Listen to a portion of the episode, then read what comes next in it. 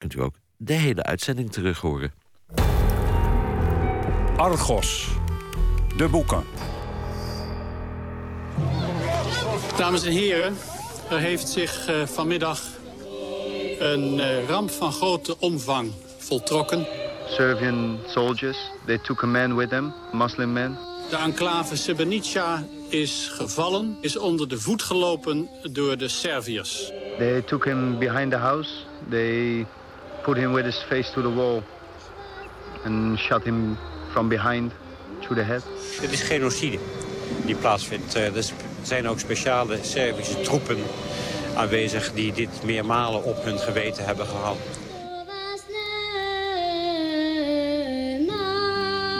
De val van de enclave Srebrenica en de moordpartijen die daarop volgden... vormen een dramatische gebeurtenis in de wereldgeschiedenis. In de allereerste plaats voor de vele slachtoffers en hun nabestaanden... en het onbeschrijfelijke leed dat zoveel heeft getroffen. Terugkijkend hebben we gefaald. Derhalve heb ik na zorgvuldige afwegingen besloten mijn ontslag aan te bieden.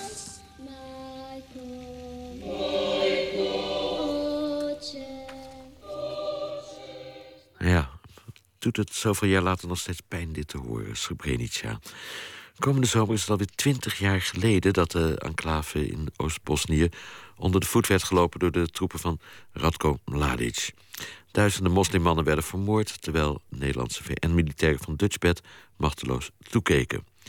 Overste Tom Karremans was de commandant van Dutchbed en kolonel Charles Brands de commandant van Karremans. Brand zat op 60 kilometer afstand van het bloedbad... op het VN-hoofdkwartier in Tuzla. Deze week publiceerde hij een boek over die zwarte bladzij... in de Nederlandse geschiedenis... gebaseerd op zijn aantekeningen uit 1995. Nou, de titel is dan ook de Srebrenica-dagboeken. Wij vroegen Frank Westerman het boek van Brands voor ons te recenseren en te lezen. Westerman hield zich medio jaren negentig als journalist met de oorlog in Bosnië bezig. Eerst voor de Volkskrant en later voor NRC Handelsblad. Hij is in die periode ook zelf twee keer in de enclave Srebrenica geweest. Goedemiddag Frank. Dag, hallo. Ja, het ligt hier voor ons. 328 pagina's, een behoorlijk dikke pil vond ik het gisteravond. Uh, heb jij het met plezier gelezen? Nou, plezier is denk ik niet het goede woord. Uh, het is echt uh, uh, pijnlijk, iedere keer weer, als je het terugleest. Het falen van Dutchbed, de blauwhelmen, die mensen moesten beschermen. Dat is niet gelukt. En wat je vervolgens leest, is natuurlijk weer opnieuw, opnieuw de moord, de massamoord. misschien wel de grootste oorlogsmisdaad, zo, zo wordt het genoemd. in Europa sinds de Tweede Wereldoorlog. En um, het is wel een curieus boek. Wat is er curieus aan? Het curieuze is dat um, um, uh, het is uh, gebaseerd, en dat is ook meteen het goede, op aantekeningen, zoals je zei, uh, dagboekaantekeningen van iemand die in de bevelstructuur zat van dat VN-leger. Met die nobele taak om mensen te beschermen, te verdedigen. Die van alle kanten omsingeld waren allang. En afgeknepen en uitgehongerd werden enzovoorts. En Dutchbed daarmee ook. Hij zat in die bevelstructuur en heeft eigenlijk... Um, uh, ja, een dagboek bijgehouden. Stel je er niet te veel in een dagboek bij voor met, met allemaal sfeerimpressies. Dat is het allemaal niet. Maar hij heeft wel notities gemaakt. En uh, die publiceert hij als een aanhangsel, een bijlage. Dat is uh, 80 pagina's van die 300 zoveel. En ik denk dat dat ook het meest waardevolle is. Want hij zou ook alle andere analyses en rapporten... Hij is, hij is alles weer gaan herlezen? Nou, um, nee, hij probeert eigenlijk een licht te werpen op, het, uh, op die ramp die zich voltrok uh, vanuit zijn positie in die bevelslaag. En dan moet je eigenlijk denken, nou, dat is, dat is waar Dutchbed zit met Karamans, omsingeld. En dan heb je verderop in Bosnië heb je Tuzla, provinciehoofdstad. Dus hij is eigenlijk een soort provinciaal uh, bestuurder. En dan heb je het landelijk niveau, Sarajevo, maar dan heb je daarboven ook nog Zagreb en daarboven New York. Dat is de VN-bevelstructuur. En Den Haag met de minister van Defensie en met de, hè, met, met, met de landmachtofficieren, die zitten daar dan ook nog eigenlijk weer bij. En wat hij en passant, misschien onbedoeld, dat weet ik niet, doet, is hij schetst een ontluisterend beeld van hoe een VN-vredesleger werkt of niet werkt eigenlijk. Want alles werkt langs elkaar heen. Jij schetst net al die schakels in, in deze prachtige keten, maar prachtige keten op papier.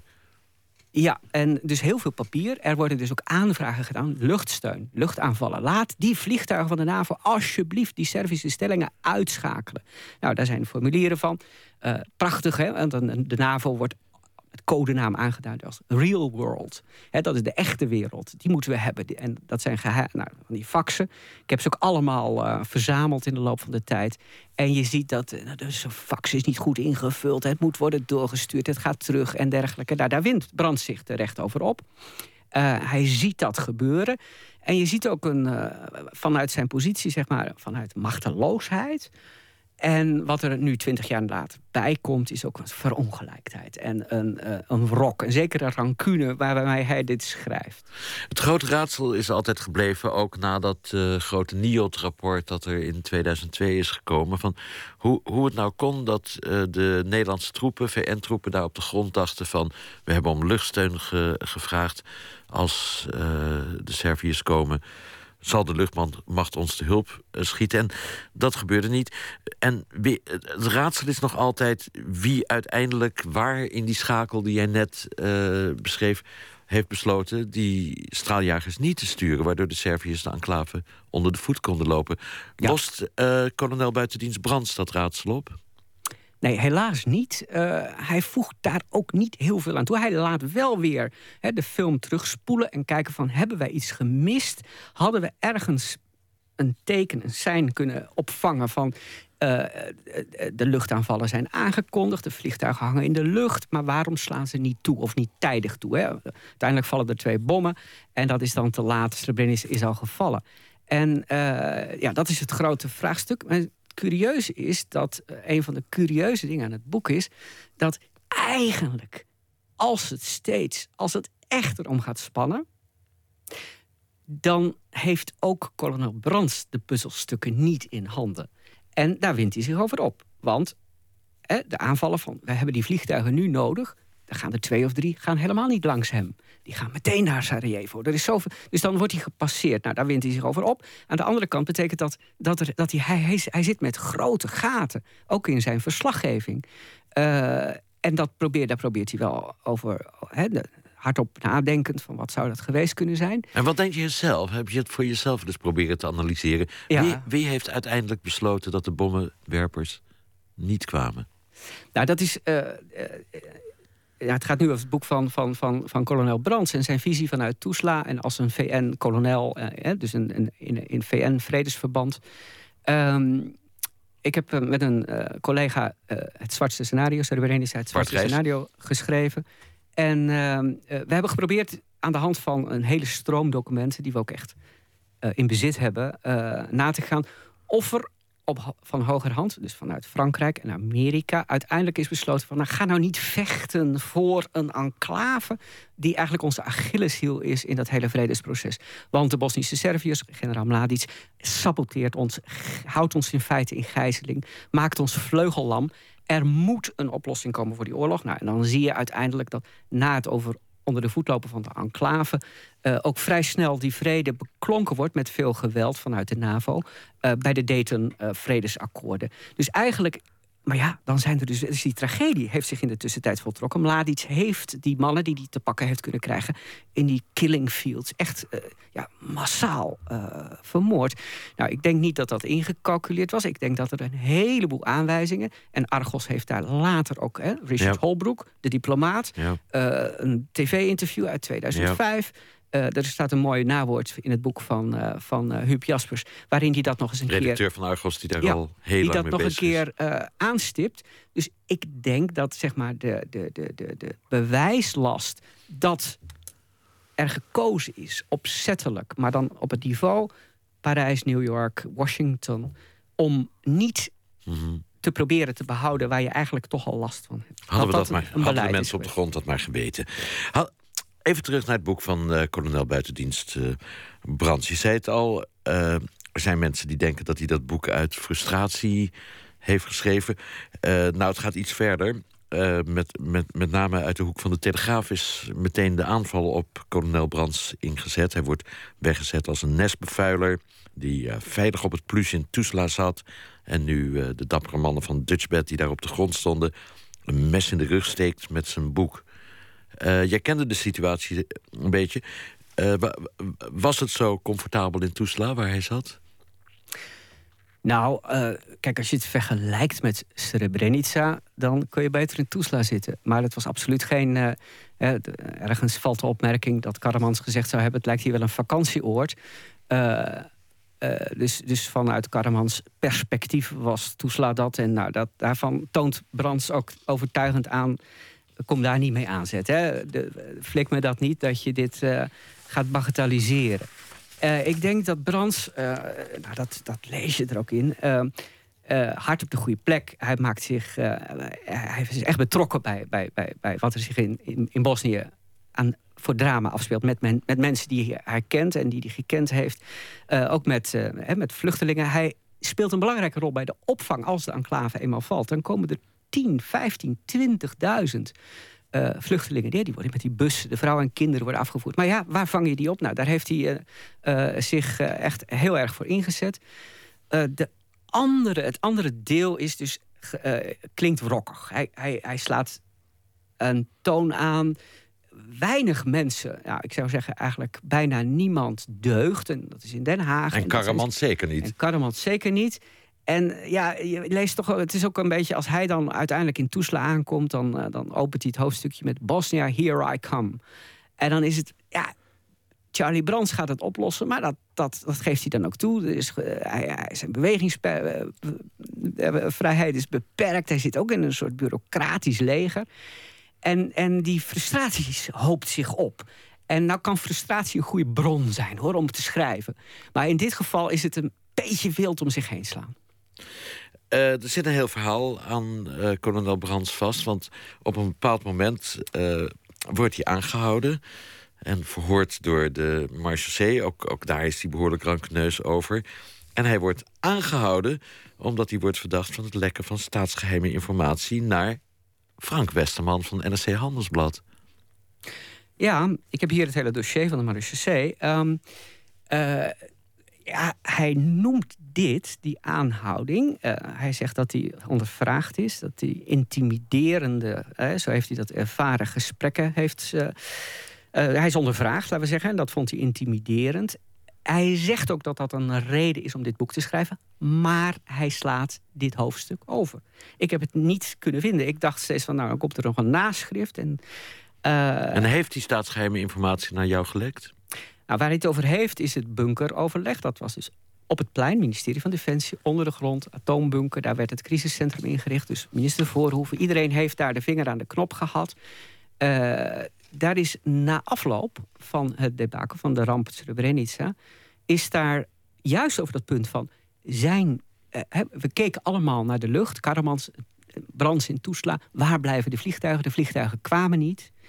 Uh, is er, hebben we iets gemist? Is er een besluit geweest, buiten ons, boven ons, om die vliegtuigen niet in actie te laten En daar heb jij met Brands over gesproken toen als journalist? Ik heb met verschillende deelnemers aan dat bunkeroverleg, en er waren er tien.